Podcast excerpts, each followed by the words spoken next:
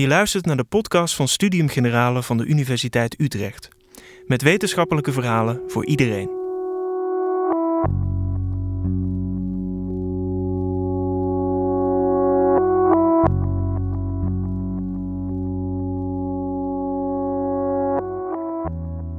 Stel je voor, je hebt net te horen gekregen dat je een spierziekte hebt. Er is een behandeling mogelijk, maar die is fysiek en mentaal zwaar. Niet behandelen is ook een optie. Wat doe je dan? Het is een moeilijke keuze, dus van de arts verwacht je een duidelijk advies. Maar volgens Ellen Smets, hoogleraar medische communicatie, is dat vaak niet wat je krijgt. Hoe neem je als patiënt een goede beslissing als je gezondheid of zelfs je leven ervan afhangt?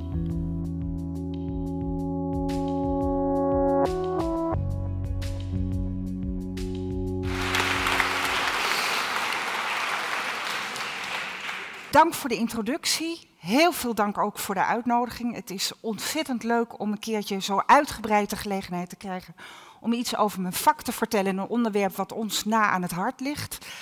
Um, ons, misschien een beetje achtergrond. Ik werk bij de afdeling medische psychologie in het uh, Amsterdam UMC, zoals wij sinds kort heten. Het samenvoegen van het AMC en het VUMC. Um, en bij ons op de afdeling houden we ons bezig met patiëntenzorg. Collega's van mij, uh, therapeuten, helpen als er problemen zijn bij patiënten die moeilijke beslissingen moeten nemen. Bijvoorbeeld uh, keuzes gemaakt moeten worden als mensen te angstig zijn voor een operatie en zo angstig dat het in de weg gaat zitten, bieden we patiëntenzorg. Um, we zijn verantwoordelijk voor het onderwijs aan geneeskundestudenten, met name waar het over de gespreksvaardigheden uh, gaat. En we doen onderzoek, verschillende onderwerpen. En het onderwerp van mijn onderzoek gaat over medische communicatie. Dat wil zeggen dat ik het heb in mijn onderzoek. Wij kijken, ik en mijn collega's, naar wat er in die spreekkamer gebeurt.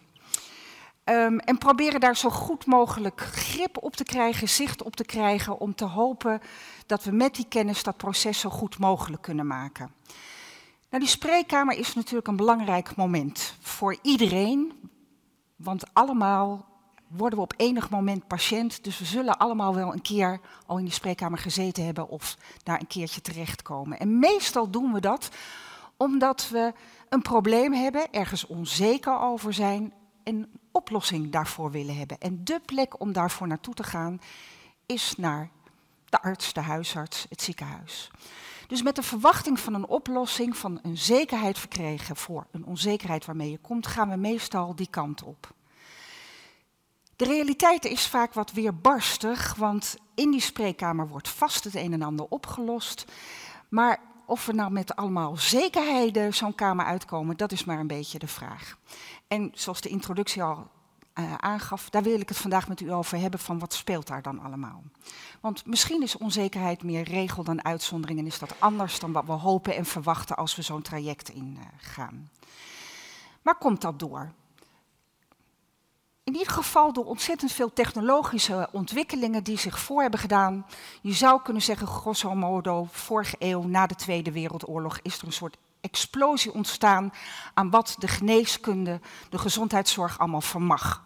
Allerlei technologische ontwikkelingen die um, van de grond zijn gekomen. En dit, het beeld wat u ziet, is maar een illustratie daarvan. U ziet daar een heel klein kind, dat is Gordon Isaacs. En dat is de eerste persoon, de eerste patiënt die ooit met radiotherapie behandeld is. Isaac die had een retinoblastoom, dat is een uh, tumor in, uh, van het netvlies. En die is daarvoor bestraald met succes. Um, was de eerste patiënt, en je kunt zeggen dat bestraling is in de behandeling van kanker eigenlijk helemaal niet meer weg te denken sinds die tijd. Dus die technologie die heeft een grote vlucht genomen en onderdeel in ieder geval in de zorg voor kankerpatiënten van dat zorgtraject. Nou, dat was maar een voorbeeld. Misschien een aansprekender voorbeeld en een voorbeeld van wat recentere tijd is het Human Genome Project of het Menselijk Genoomproject, wat eind vorige eeuw uh, in gang werd gezet. En u moet zich voorstellen, men had toen de ambitie om onze erfelijkheid te ontrafelen. En die ambitie die ontstond door samenwerking door uh, internationaal gebied. Heel veel geld in geïnvesteerd, ook private gelden erin. Deze, nou, dit puzzeltje gaan we oplossen. Dat was bijna utopisch op het moment dat men startte in 1988, maar dat ging eigenlijk ongelooflijk snel. En eerlijk gezegd is die DNA-code, het begrijpen van onze erfelijkheid, veel sneller gegaan dan men toen voorzag. Door de enorme vlucht die de techniek nam en de mogelijkheden die de computer bood voor al het rekenwerk wat eraan te pas kwam. Wat betekende dan in 2000, uh, nou, uh, met veel bombarie door president van Amerika Bill Clinton en uh, Tony Blair van Engeland, de premier, werd aangekondigd, nou, dit hebben we gedaan. En er zat ook veel overheidsgeld in. Dus dat nam een enorme vlucht en allerlei utopische gedachten, die konden ook werkelijkheid worden. Met als gevolg dat je zou kunnen zeggen er veel meer zekerheid ging ontstaan over die erfelijkheid. En dat gevoel had men toen ook. En sommigen van u zullen zich dat ook misschien kunnen herinneren. Nou, de beloftes die dat allemaal bood, wat, dat we onze erfelijkheid konden ontrafelen. En een van die beloftes was dat we dan zouden kunnen begrijpen waar ziektes door zouden ontstaan. En dat we daar dan ook iets aan zouden kunnen doen. En een voorbeeld uit de genetica was de ziekte van, of is de ziekte van Huntington. Een erfelijke aandoening waarvan als je drager bent van een mutatie van uh, uh, het gen, op het gen van het genetisch defect, dat je eigenlijk zeker weet dat je deze aandoening gaat krijgen. Dus een progressieve aandoening met kenmerken van dementie, spierslapte uh, en je komt er ook eerder aan over, te overlijden. Een nare aandoening waarvan op het moment dat men wist dat je kunt kijken of iemand daar drager van is, dan is de gedachte, ja, dan kun je voor het nageslacht misschien ook gaan kijken of dat te voorkomen is. En in ieder geval kun je weten of je, dat je te wachten staat en keuzes op grond daarvan maken. Bijvoorbeeld of je, als je drager bent, kinderen dan gaat nemen of niet, met het risico dat je het overdraagt. En misschien wil je dat helemaal niet. Dat zijn, Huntington is een monogenetische aandoening. Als je er drager van bent, weet je zeker dat je het gaat krijgen. Je weet alleen nog niet wanneer. Dus dat is alweer wat onzekerheid. Maar al snel werd duidelijk dat het leven wat complexer, onze erfelijkheid wat complexer in elkaar zit. Monogenetisch is meer uitzondering dan regel en de meeste erfelijke aandoeningen zijn multifactorieel. Dat wil zeggen dan ja, je kunt drager van een erfelijke aanleg zijn, maar daarnaast doet leefstijl ertoe, uh, allerlei andere omstandigheden, waarom die, waardoor die relatie veel minder eenduidig is tussen erfelijkheid en het krijgen van een aandoening. Dus wat eerst zekerheid was, resulteerde in, met toenemende kennis over hoe dit er allemaal uitziet, in het besef dat we nog een heleboel niet weten en dat er ook heel veel onzekerheid aan vastkleeft. Dus die euforie over toegenomen kennis die nam gaandeweg wel een beetje af, hoewel iedereen nog steeds heel enthousiast blijft over die ontwikkelingen, laten we wel wezen. Het betekent ook dat door die kennis mensen zich kunnen laten gaan testen. En dat testen wordt steeds complexer, waar het eerst bij een monogenetische aandoening ging om je bent drager of niet, met alle relatief duidelijkheid die dat opleverde, worden de testen steeds complexer en de uitslagen ook steeds complexer. Nieuwe testen maken het mogelijk, we noemen dat paneltesten, om in één keer voor een heleboel genen te testen wat er mogelijk speelt. Om een verklaring te kunnen vinden van een eventuele aandoening die in de familie speelt. Dat is mooi, want dat gaat sneller dan vroeger en er is meer uh, te zien, wat kan betekenen dat de diagnose ook sneller gesteld wordt. Een reductie van onzekerheid. Tegelijkertijd leveren die testen weer een heleboel onzekerheid op. Want wat gebeurt er? Er ploppen dingen op waarvan we eigenlijk helemaal niet de bedoelingen hadden dat we dat gingen vinden. Want we wilden voor, laten we zeggen, voor Huntington gaan kijken of een specifieke vorm van kanker. En dan wordt er iets gevonden waar de patiënt in kwestie eigenlijk helemaal niet om gevraagd had. Nog ingewikkelder wordt het dat er dingen gevonden worden waarvan we de betekenis eigenlijk nog helemaal niet zo goed weten. En die krijgen dan hele mooie namen, maar eigenlijk betekent het we weten het niet. En wat hier staat is variants of uncertain significance. Wat natuurlijk een hele mooi label lijkt, maar het zegt eigenlijk we weten niet precies wat het is. We vermoeden dat er iets niet oké is. Maar weten dat eigenlijk niet zeker. En dat moet wel gecommuniceerd worden met de patiënt, want dat is een resultaat van het onderzoek. Dus dat maakt het er niet makkelijker op. Wat u hier ziet is een stamboom van een familie waar uh, sprake is van erfelijkheid. De zwarte figuren zijn de blokjes, zijn de mannen, de rondjes zijn de vrouwen. zijn personen die aangedaan zijn, dus die uh, drager van de ziekte zijn. En degenen die uh, niet zwart zijn, die zijn geen drager. Nou, wat u zich misschien kunt voorstellen is dat als duidelijk is welke genetische fout of defect in een familie speelt, dat je dan kunt gaan testen of iemand drager daarvan is en kunt gaan voorspellen of die een risico loopt op het krijgen van een aandoening. En families waar zoveel mensen aangedaan zijn, dan kunt u zich van voorstellen dat die wel graag willen weten van wat is hier in godsnaam aan de hand en kunnen we dat voorkomen, kunnen we daar iets mee. Maar dat is een, niet voor iedereen geldt dat. Want we zien weer dat voorbeeld van de ziekte van Huntington, dat soms mensen ervoor kiezen om zich niet te laten testen. En bij Huntington eigenlijk meer mensen niet dan wel. Want niet weten of je drager bent, betekent ook dat je niet weet wat de toekomst je gaat brengen. Maar het zeker weten dat je drager bent en dat je weet dat je aangedaan bent en dus deze nou, uh, zwaar invaliderende aandoening zult krijgen, dat is een zekerheid waar je misschien helemaal niet voor kiest. Terwijl bij andersoortige aandoening het veel logischer is, zeker als er preventieve mogelijkheden zijn, als er iets gedaan kan worden, dat je dat wel wil weten. Dus die vraag van wil ik dat weten of niet, dat gaat wel spelen.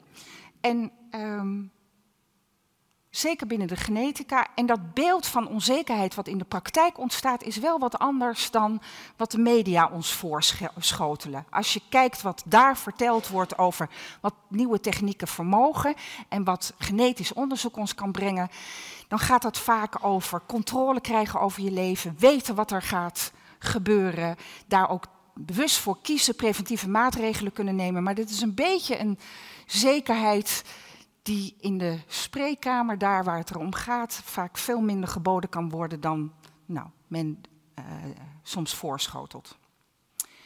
Dat wat de genetica betreft. Een ander voorbeeld is, de, uh, is dementie, specifiek de ziekte van Alzheimer. Dementie kan verschillende oorzaken hebben, maar de meest voorkomende oorzaak is de ziekte van Alzheimer. En tot nog niet zo heel erg lang geleden kon je eigenlijk pas nadat iemand overleden was met klachten van dementie, die dement was, kon je achteraf constateren op grond van pathologisch onderzoek dat er waarschijnlijk wel sprake was van Alzheimer. Nieuwe technologie maakt dat er heel veel uh, nieuwe technieken ontwikkeld worden om al bij leven en veel, steeds eerder een test te hebben om te kijken of iemand het risico heeft om op grond van eerste klachten en de uh, testuitslagen in de loop der tijd uh, dementie te ontwikkelen op grond van de ziekte van Alzheimer. Dat is mooi, want sommige mensen maken zich zorgen over hun klachten. Die gaan zo'n test en die weten dan wat hun te wachten staat. Dus onzeker en zekerheid krijgen van die test. Maar die test geeft een kans, een risico. De kans is groot dat u binnen de komende drie jaar toenemend klachten zult krijgen en dat die toe te schrijven zijn aan Alzheimer. Dat is ook weer niet echt een diagnose. Dus het vertelt wel iets. En voor sommige mensen is dat heel geruststellend. Maar we kunnen eigenlijk toenemend in een steeds vroeger stadium iets zeggen over de kans op het krijgen van een aandoening. En bij het kiezen voor zo'n test en het willen krijgen van die zekerheid, moet je misschien afwegen of je dat wel wil. Um, en of onzekerheid misschien toch te verkiezen is boven die zekerheid van een kans. Technologie heeft er ook toe geleid dat er toenemend meerdere behandelopties zijn voor verschillende aandoeningen. En zeker in de oncologie, bij de zorg voor kankerpatiënten is dat het geval. Allerlei soorten behandelingen die uh, aangeboden kunnen worden maar ieder ook weer met zijn eigen onzekerheden. En het voorbeeld wat ik u nu laat zien is in de context van palliatieve behandeling. Dus op het moment dat genezen niet meer mogelijk is, maar wel nog wat geboden kan worden om eventueel levensverlenging uh, te bieden, en let op mijn woordje eventueel, dan zijn er twee opties. Iemand kan ervoor kiezen om geen extra behandeling, en dan hebben we het over chemotherapie, om dat aan te gaan en alleen maar alleen maar ondersteunende zorg te krijgen om de klachten zoveel mogelijk te verlichten. Het alternatief is natuurlijk dat iemand dat ook krijgt, maar in aanvulling daar chemotherapie bij met de kans op levensverlenging. Maar zoals ik al zei, dat is een kans op levensverlenging van uh, chemotherapie. Dat is geen zekerheid, dat kan niemand uh, garanderen. Um, en natuurlijk gaat dat gepaard met bijwerkingen. Dus de keuze waar iemand dan voor staat is die kans op levensverlenging met een kostenplaatje daaraan, namelijk meer ziekenhuisbezoek en de bijwerkingen van chemotherapie. Het alternatief is dat je dat traject niet ingaan, ingaat, maar dan laat je ook de kans liggen om eventueel nog wat langer te leven. Best een moeilijke keuze. Um, ook een keuze onder veel onzekerheden. Onzekerheid is onderwerp, toenemend onderwerp geworden van medisch onderzoek, van medische publicaties. En dit is een, nou, een wat simpel beeld, maar die laat zien hoe het aantal publicaties waarin de term onzekerheid zit eh, de afgelopen decennia is toegenomen. Eerlijkheid gebied te zeggen dat de meeste van die publicaties erop gericht zijn om onzekerheid te reduceren. Dus ze zijn op zoek, het zijn studies die op zoek zijn naar een oplossing voor een probleem. We weten het niet en we willen het opgelost hebben. Maar de term onzekerheid komt daar wel toenemend in voor. Het zijn niet zo heel veel studies die het fenomeen onzekerheid zelf als onderwerp hebben. Maar het geeft wel aan dat, misschien simpel gezegd, zou je verwachten dat het steeds minder zou worden, maar zo is het niet. Het wordt steeds meer.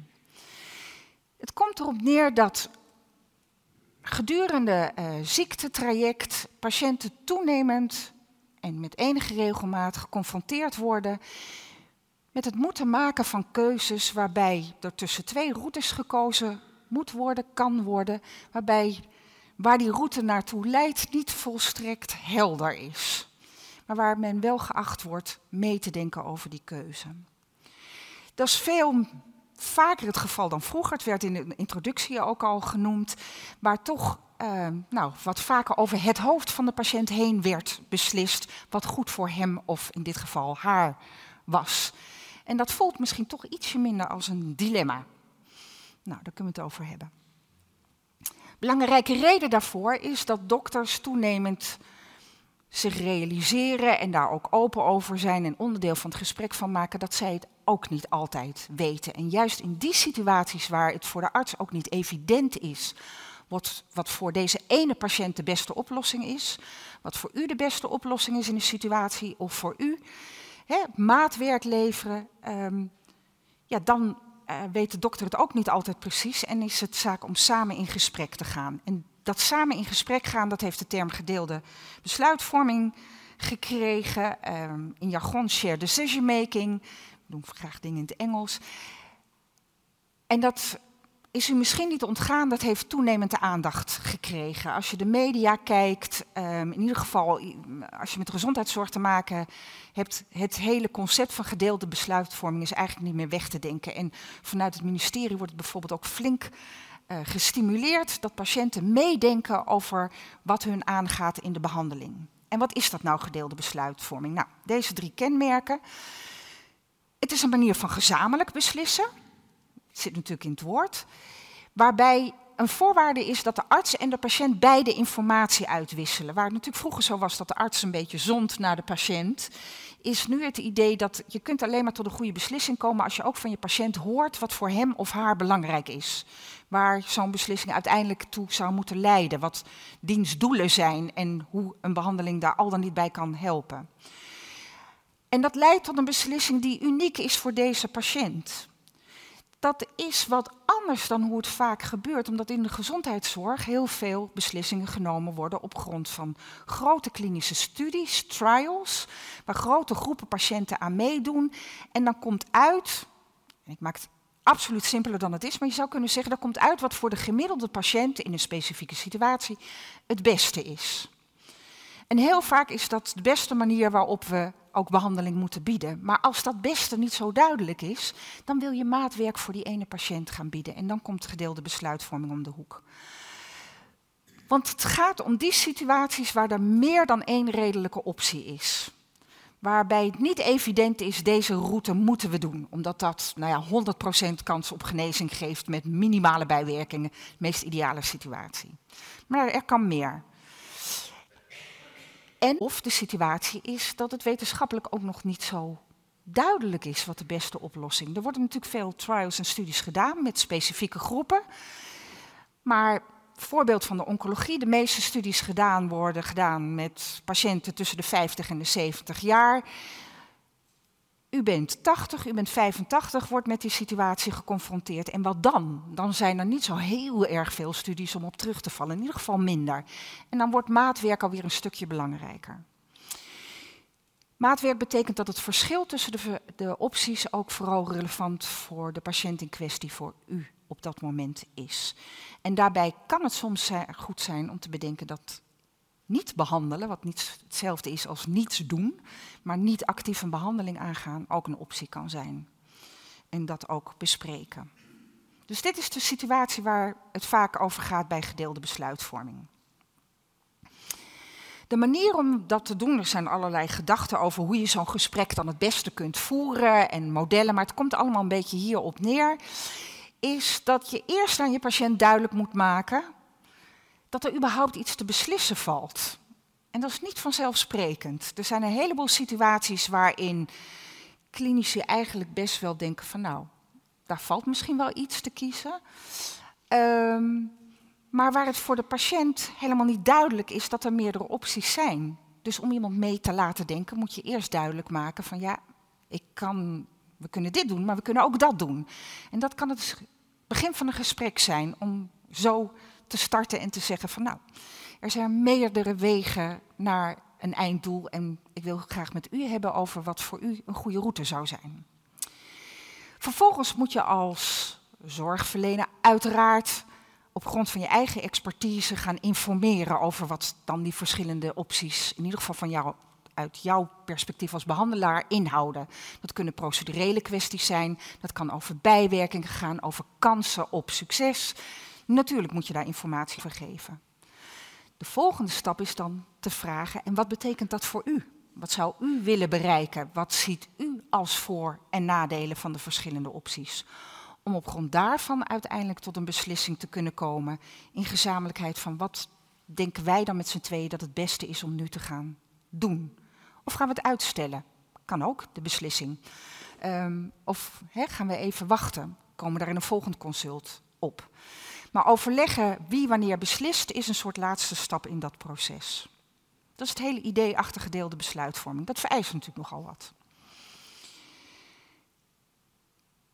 Nou heb ik het woord onzekerheid al een paar keer laten vallen en ehm, termen zoals we het er denk ik in ons Nederlands uh, spraakgebruik over hebben, zijn termen als twijfel, onbehagen, besluiteloosheid, um,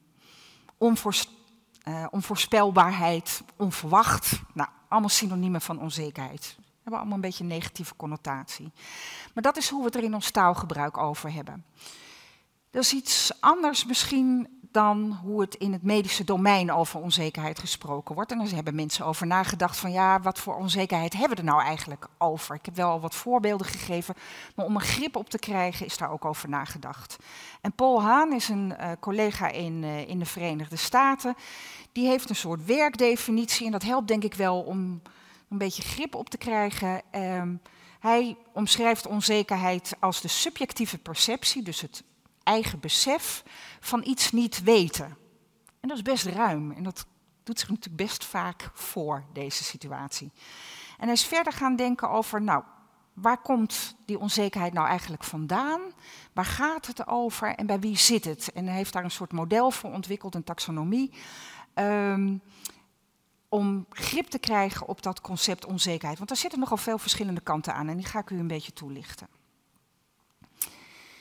De bron van onzekerheid. Nou ja, dat gaat eigenlijk over dat we niet weten wat de toekomst ons uh, gaat brengen. Over kansen, over risico's. En uitgedrukt in een uitspraak die je als arts zou kunnen doen. En hier staat dan, er is een kans van 20% dat de behandeling bij u aanslaat. Dus we weten iets over wat we bieden, de kans dat dat uh, succesvol is betekent natuurlijk ook dat u bij die 20% kunt zitten, maar ook bij de 80% bij wie het niet aanslaat. Dus echt, het zegt wel iets, maar feitelijk uh, blijft er onzekerheid bestaan. Nou, dat is een basisidee van onzekerheid, waarschijnlijkheid. Onzekerheid komt ook voort uit ambiguïteit. En dat wil zeggen dat we zelfs die uitspraak over die 20% ja, daar zit natuurlijk ook nog een soort marge omheen. Want dat zijn verschillende studies en de ene studie laat misschien 10% zien en de ander 25% En die marge, nou in onderzoek he, hebben we het vaak over het betrouwbaarheidsinterval uh, om onze bevindingen heen. Dus dan zou het een uitspraak kunnen worden, zoiets als er is kans tussen de 5 en de 20% dat de behandeling bij u aanslaat. Nou, die waarschijnlijkheid is al ingewikkeld, maar nu wordt die al een stukje ingewikkelder. Maar het is wel reëel. Onze kennis uh, is vaak, nou ja, daar zit een marge omheen en daar moet je misschien rekening mee houden, iets over zeggen. Daar verschillende meningen over, maar het is wel deel van de onzekerheid. En helaas is dit ook een beetje realiteit. Complexiteit. Je kunt nog zoveel informatie geven en daarmee denken dat je onzekerheid oplost. Maar als het heel complex is, blijft de toehoorder waarschijnlijk toch met enige onzekerheid zitten. En dit is een, nou, misschien een wat overtrokken voorbeeld, maar goed. Met deze behandeling is er een 20% kans op langdurige remissie, dat wil zeggen herstel of het wegblijven van in dit geval kanker, bij patiënten met een lokale tumor, een plaatselijke tumor. Jargon draagt ook niet bij aan zekerheid. Uh, positief voor HER2-neureceptor, hormoonreceptor, en voor premenopausale patiënten. Uh, en hier mis ik mijn bril, zonder comorbiditeiten. Het is wel waar, dit klopt feitelijk en de informatie is helemaal correct. Ik weet niet of je je er heel zeker door gaat voelen als dit is wat je te horen krijgt. Het is ingewikkeld, het is lastig te snappen, veel mitsen en maren. En dat is complexiteit, dus dat leidt ook tot onzekerheid. En je mag hopen, en dat zal ook wel, dat de dokter dit anders communiceert hoor.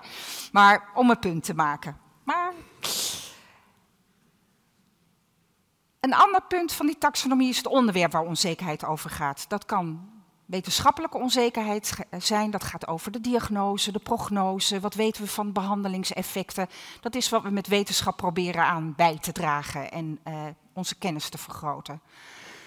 Maar in de spreekkamer zijn er echt nog meer onzekerheden, namelijk praktisch.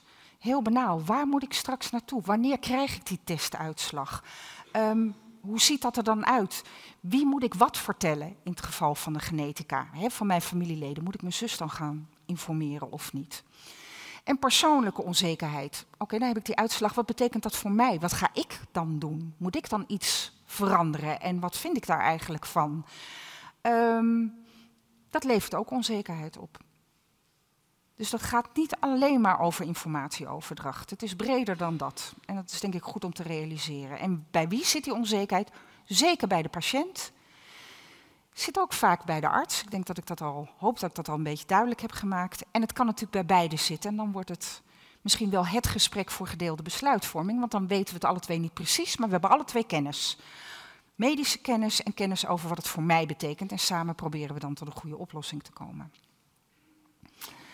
Nou, het is al genoemd, onzekerheid wordt vaak als aversief ervaren. Het is onaangenaam, we hebben het liever niet, we proberen het te vermijden. Um, dat is hoe we er meestal tegenaan kijken. Ik denk dat het goed is om ook te realiseren dat in geval van gezondheid, en zeker als het over bedreigende, angstige uh, aandoeningen gaat, dat onzekerheid, dat daar ook een positieve kans aan kan zitten. Want als we niet weten wat de toekomst brengt, kan het ook goed aflopen. Kan er ook nog iets gebeuren. Kortom, onzekerheid kan ook hoop bieden. En dat is best vaak zo. Dus goed denk ik om in gedachten te hebben. Het is wel um, nou, een probleem um, waar, um, grappig, ik ben ineens kwijt waarom ik die voeten, een dilemma, uh, opgespannen voet staan, dat is hem. Het is zo grappig had ik hele, ik denk, doe dat plaatje erbij, nou was ik hem even kwijt. Opgespannen voet, twee ethische dilemma's. Het ene ethische dilemma is het uh, principe van autonomie. En dat staat op dit moment in onze gezondheidszorg hoog aangeschreven. We vinden het belangrijk als samenleving, en dat vinden patiënten en artsen, dat iedereen meedenkt over wat hem of haar aangaat. Zo zijn we de zorg ook toenemend aan inrichten en natuurlijk gaat gedeelde besluitvorming daarover. Dat betekent, denk ik, denk ik, dat je dan ook onzekerheid moet communiceren. Want dan moet je dus zeggen, ja, we weten het niet, dus dan ben je daar heel expliciet over. En op grond daarvan laat je iemand meedenken. En betekent ook dat je informatie zo begrijpelijk en inzichtelijk mogelijk moet zijn, want iemand kan pas meebeslissen als hij snapt waar het over gaat. Ja, dan moet je moeite doen om te zorgen dat hij het snapt. Maar voor dokters is het wel een serieus probleem, want tegelijkertijd is het andere principe, doe geen schade, doe goed. En onzekerheid vinden we vaak aversief, onaangenaam, maakt angstig, uh, is best ingewikkeld. Dus het is een soort balans die je als klinicus in de spreekkamer probeert te vinden om die twee principes recht te doen. En dat is echt een uitdaging waar geen simpele antwoorden voor zijn. Hangt natuurlijk van de situatie af, maar is echt lastig. Maar laten we eens even kijken naar Um, nou nee, dit punt is de tegenstanders van de, de, critici, tegenstanders is misschien een te groot woord, van het hele idee van gedeelde besluitvorming en dat je dus onzekerheid vaker, misschien dat nu gebruikelijk is, zou moeten communiceren, die zeggen ja, sorry, je gaat patiënten enorm veel informatie geven, dus informatieoverload, doe je, bewijs je mensen daar nou een dienst mee. En dat is een veel gehoord kritisch punt en misschien ook wel terecht, want best lastig. Um, we maken mensen angstiger door te communiceren wat we niet weten en ze daar ook nog eens bij te betrekken. Willen we dat nou wel? En zeker de mensen die het meest kwetsbaar zijn. En dat zijn de mensen die, en dit is een chic woord, intolerant voor ambiguïteit zijn, maar die eigenlijk onzekerheid misschien vanuit hun karakter of situatie helemaal niet zo goed kunnen verdragen.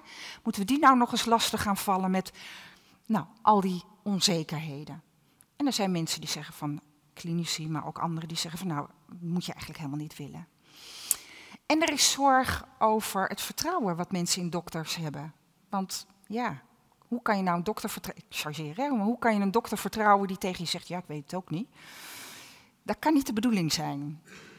Uh, het ligt natuurlijk iets genuanceerder, maar dat vertrouwen ertoe doet, en daar kom ik nog op terug, is natuurlijk wel waar. En ga je dat niet ondermijnen? En hoe wenselijk is dat nou? Want dat is natuurlijk wel een belangrijk aspect van wat je van je dokter wil, dat je hem kunt vertrouwen.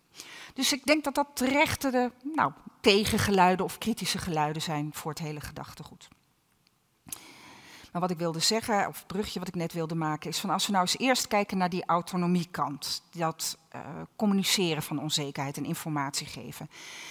In zekere zin hebben we het dan over risicocommunicatie, want het gaat over kansen. En nou, dat noemen we risicocommunicatie. En daar zijn een aantal tips en tricks, ik ga niet een heel college daarover geven, maar om u een gevoel te geven van wat er lastig aan is, is bijvoorbeeld het feit dat risico's heel vaak gecommuniceerd worden met alleen maar woorden. Nou, die kans is heel groot, zegt iemand dan tegen u. Of, nou, het is een kleine kans dat het gebeurt, ik zou me daar geen zorgen over maken. Komt niet zo vaak voor. Dat zijn teksten, dat noem je risicocommunicatie de tip is eigenlijk om in ieder geval ook cijfers daarbij te noemen, want dit soort verbale omschrijvingen worden lang niet altijd opgepakt zoals het bedoeld wordt. En nou, veel studies blijkt dat men in ieder geval geneigd is om het te overschatten. Maar hier is een plaatje, en ik hoop dat dat voor iedereen duidelijk is. Ik ga u door doorheen praten.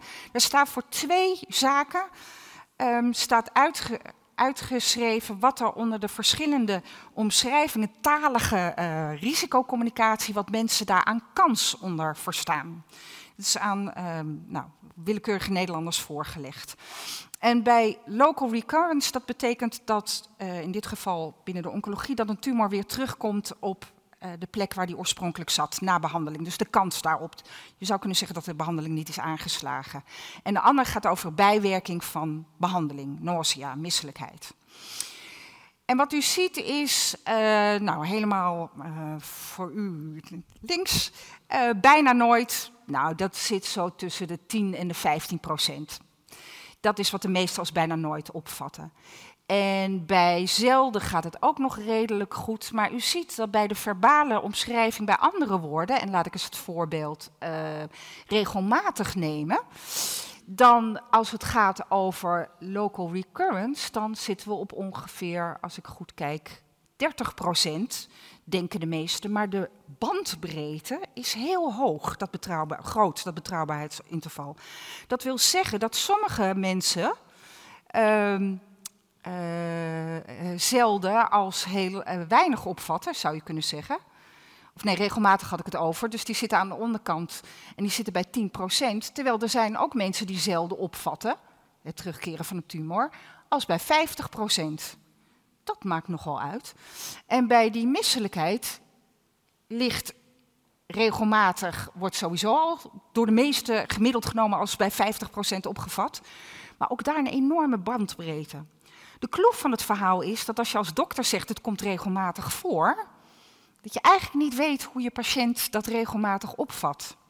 En dan kan je je afvragen of je wel goed aan het informeren bent, want dan heb je het idee dat je iets gezegd hebt, maar je hebt geen idee, als je niet gecheckt hebt, hoe iemand dat opgevat heeft. En dan maakt het nogal uit of iemand regelmatig interpreteert als 30% of misschien 60%.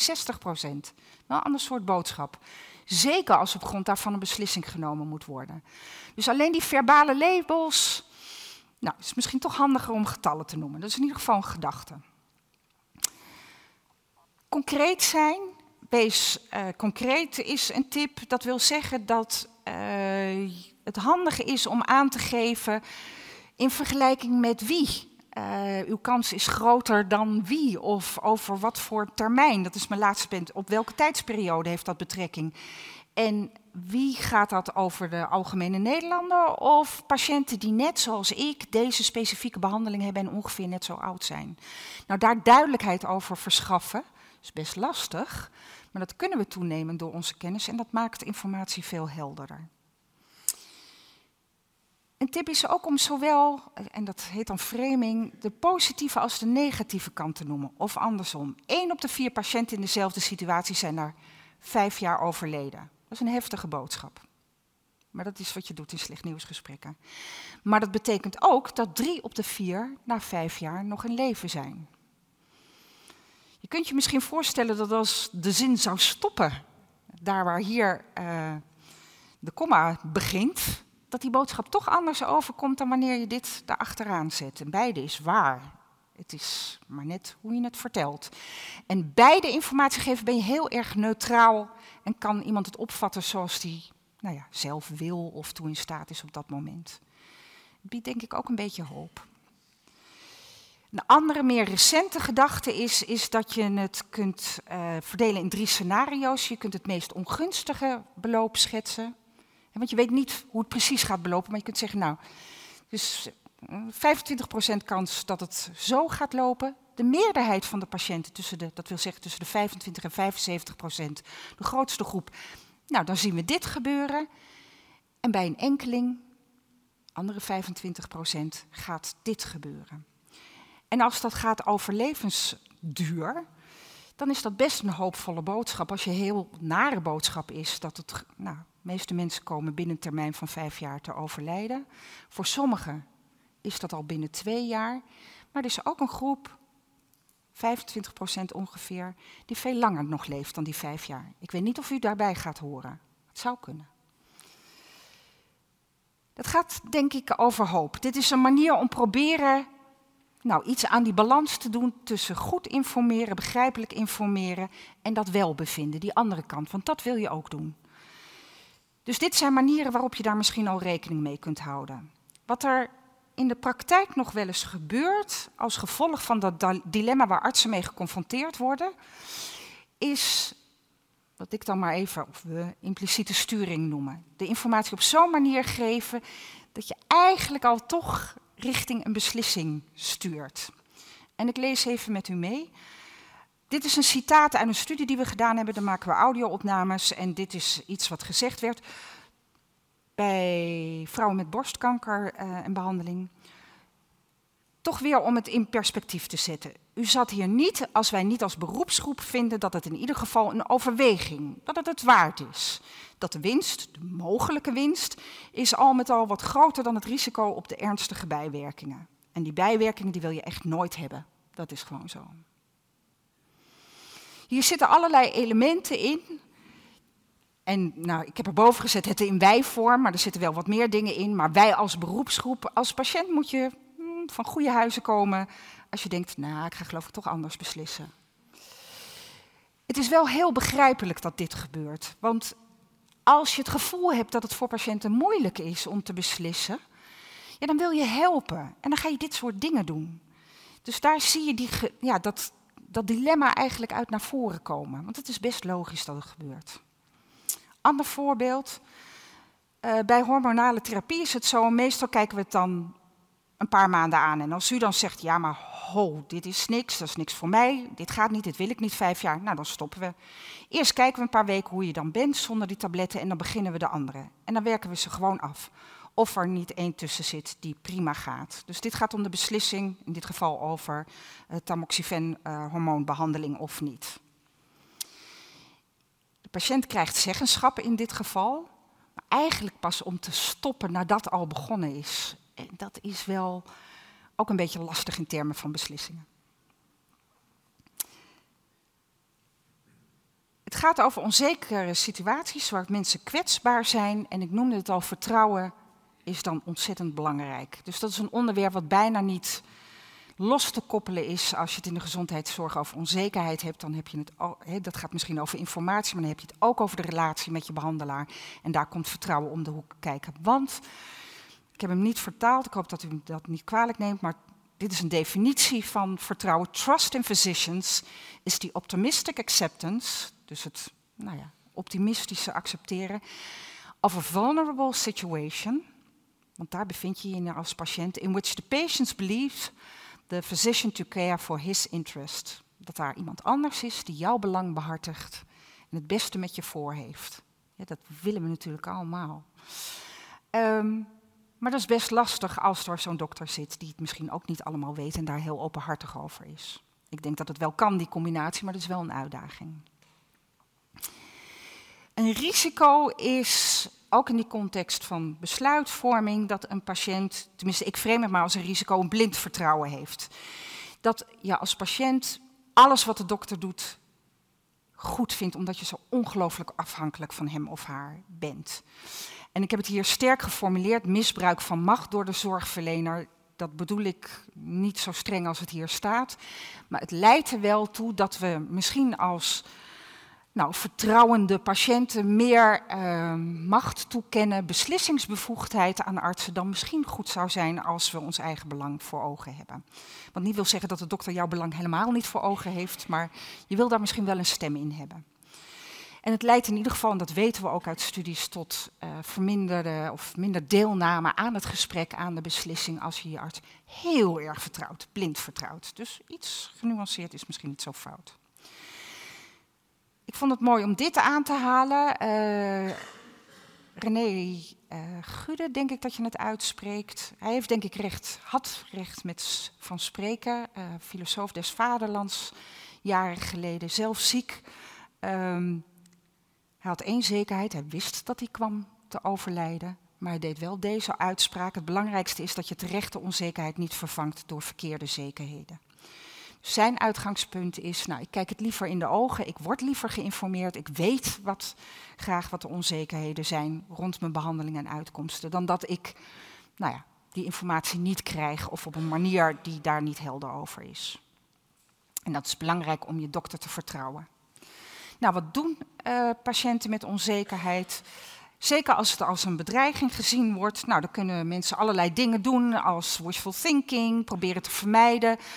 Downward comparison, een beetje zo, oh, voor anderen is het altijd nog heel veel erger dan het uh, voor mij is. Het geloof is een belangrijke voor veel mensen en informatie zoeken is een manier om onzekerheid te reduceren. Ik vind dit een heel mooi citaat waar van alles in zit. Dit gaat uh, een studie die we gedaan hebben bij uh, patiënten met ALS, dodelijke spierziekte. Um, nou, afgelopen jaar, de, tien jaar denk ik, veel aandacht gekregen. Die hebben geïnterviewd patiënten over wat hun hoop geeft. En dit is een citaat wat ook weer over onzekerheid gaat. Die dingen hangen allemaal met elkaar samen. En hier zegt een patiënt: We are lucky because my mother had ALS 2, so we know what to expect. It must be horrible not knowing what to expect. Ergens is geluid, gaat nu uit. Um, dus muzikale ondersteuning van deze, van deze tekst. Maar hier zit natuurlijk ontzettend veel in. Want hier zegt iemand die een moeder heeft die gestorven is aan ALS, die zelf drager is van de aandoening en weet dat ze het gaat krijgen. En ook krijgt. En die zegt, nou, ik ben zo blij dat ik het allemaal al een keertje meegemaakt heb met mijn moeder, want nu weet ik tenminste wat me allemaal gaat overkomen. Ja, dat is ook een manier om uh, nou, de toekomst het hoofd te bieden. Um, maar wat veel mensen doen is informatie zoeken. En daar wil ik jullie een fragment, een fragment laten zien uit een VPRO-programma van inmiddels jaren geleden. Uh, wat denk ik heel erg voor zich spreekt en allerlei dingen samenkomen waar we het tot nu toe over gehad hebben dan ga ik even kijken of ik, als ik hier gewoon op klik, zou die het moeten doen? Hallo. Goedemiddag. Zo, nog eens even Zijn er nog dingen uh, veranderd sinds het laatste bezoek? Nou ja, niet echt. Wel weer hier en daar een blauwe plek. De vorige keer waren we bij dokter Van der Born in het oogziekenhuis. En die heeft een uh, verzoek ingediend voor een 24 uur bloeddrukmeting. heb ik nog een vraag van de fysiotherapeuten, want ik ben daar de vorige week vrijdag geweest en gisteren. Zag ik ook nog staan een mogelijke pancras annulare. En toen dacht ik, wat is dat in vredesnaam? Dus dat ben ik gaan opzoeken. En dan kwam ik tegen dat... Uh, ik denk wel dat hij eventjes moest wennen. Dat hij even misschien moest schakelen van... oh jee, maar nu weet hij als wij aankomen... van nou, ze hebben het klapblokje weer meegenomen. Dus dan gaan we weer. Ik ga er maar eens even goed voor zitten. We weten ook niet alles. Dus, uh, dus dat, dat vindt zij ook niet raar. Als ik zeg van nou, dat... Uh, dat, dat, moet ik eens overleggen met de chirurg. Of dat zal ik nog eens navragen bij een collega. Want je kan het niet allemaal dus ik, ik, word er niet zenuwachtig van, maar het is wel zo dat zij, eh, nou ja, zij gaat naar, naar patiëntenvereniging, uh, uh, ze gaat naar, naar, naar, naar, bijeenkomsten en dan hoort ze van alles en dan komt uit terug en dat, dan moet ik daar wel weer een antwoord op geven. Dus ik moet wel, ja, je moet goed boven de stof staan. Ik ga er toch vanuit dat de arts wel meer weet, maar ik, ik ben wel uh, de oncologieverpleegkundige misschien, die gewoon in het hele proces meeloopt en daar ook aardig wat van af weet. En uh, probeert het bij te houden allemaal. Te kijken of het allemaal wel goed gaat. zoals mijn echtgenoot altijd zegt, uh, je moet je eigen projectleider zijn in dit proces. Want het is iets zeldzaams. En als je zelf niet weet waar het over gaat, dan laat je je alleen maar leiden door wat in het ziekenhuis gezegd wordt. En dat zal in de meeste gevallen prima zijn. Maar voor jezelf is het wel prettig om te weten dat je daarin mee kan gaan. Dat je er ook achter staat wat er gebeurt. En ja, dat, het feit dat ik ziek ben, daar kan ik niks aan doen. Maar hoe ik ermee omga, dat, dat ik ziek ben en hoe ik dat benader naar de arts toe en hoe we alles uitzoeken en doen, daar kan ik wel wat aan doen. En dat geeft ons ook houvast. Is het werk ingewikkelder geworden door zelfmanagement? Uh, dat denk ik wel, ja. Ik denk wel dat, dat de dokters nu uh, uh, toch, toch beter beslagen ten ijs moeten komen. En dat er ook meer tijd gegeven wordt aan de patiënten. Ik hou de status eventjes apart, dan kan ik die, uh, dat huiswerk doen. En zoals bij mevrouw Zeggewaard gaat, die komt eigenlijk altijd weer met steekhoudende vragen. Dus dat, dat hangt natuurlijk van de patiënt zelf af. Hè? Van de opleiding die ze hebben genoten, van de hoeveelheid kennis die ze over een ziekte hebben. En ja, dan, dan, dan is het eigenlijk uh, alleen maar heel prima om het zo te doen. En, en dan, even heel eerlijk, die multimap, imponeert die niet een beetje? Uh, nou, wat ik zeg, eigenlijk uh, misschien vroeger wel, maar nu niet meer. We zijn eraan gewend geraakt. Even kijken of ik hier uit. Dit is geen prototypische patiënt, dat mogen duidelijk zijn. Even kijken. Oh, dat moet ik nou zien te voorkomen. Uh, geen prototypische patiënt, maar wel toenemend uh, dit beeld van mensen die betrokken zijn, die hard werken om te begrijpen wat er aan de hand is, die de artsen ook hard laten werken. Um, maar deze arts is ook expliciet over zijn onzekerheid. Nou, er zitten denk ik allerlei uh, elementen in. Ik noemde het al eerder, onzekerheid ook als kans.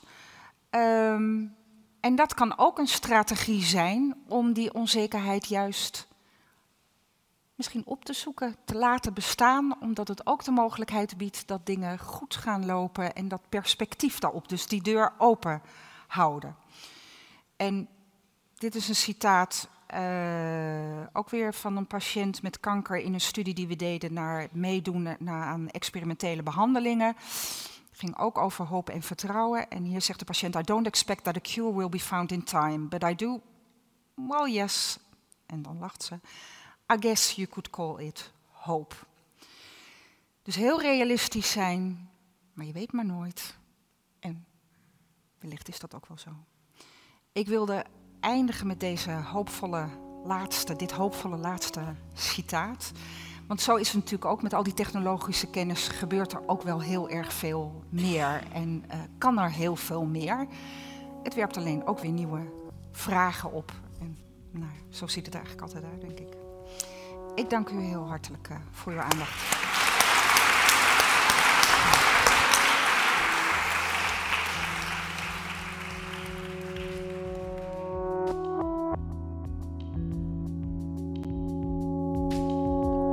Dit was de podcast van Studium Generale van de Universiteit Utrecht.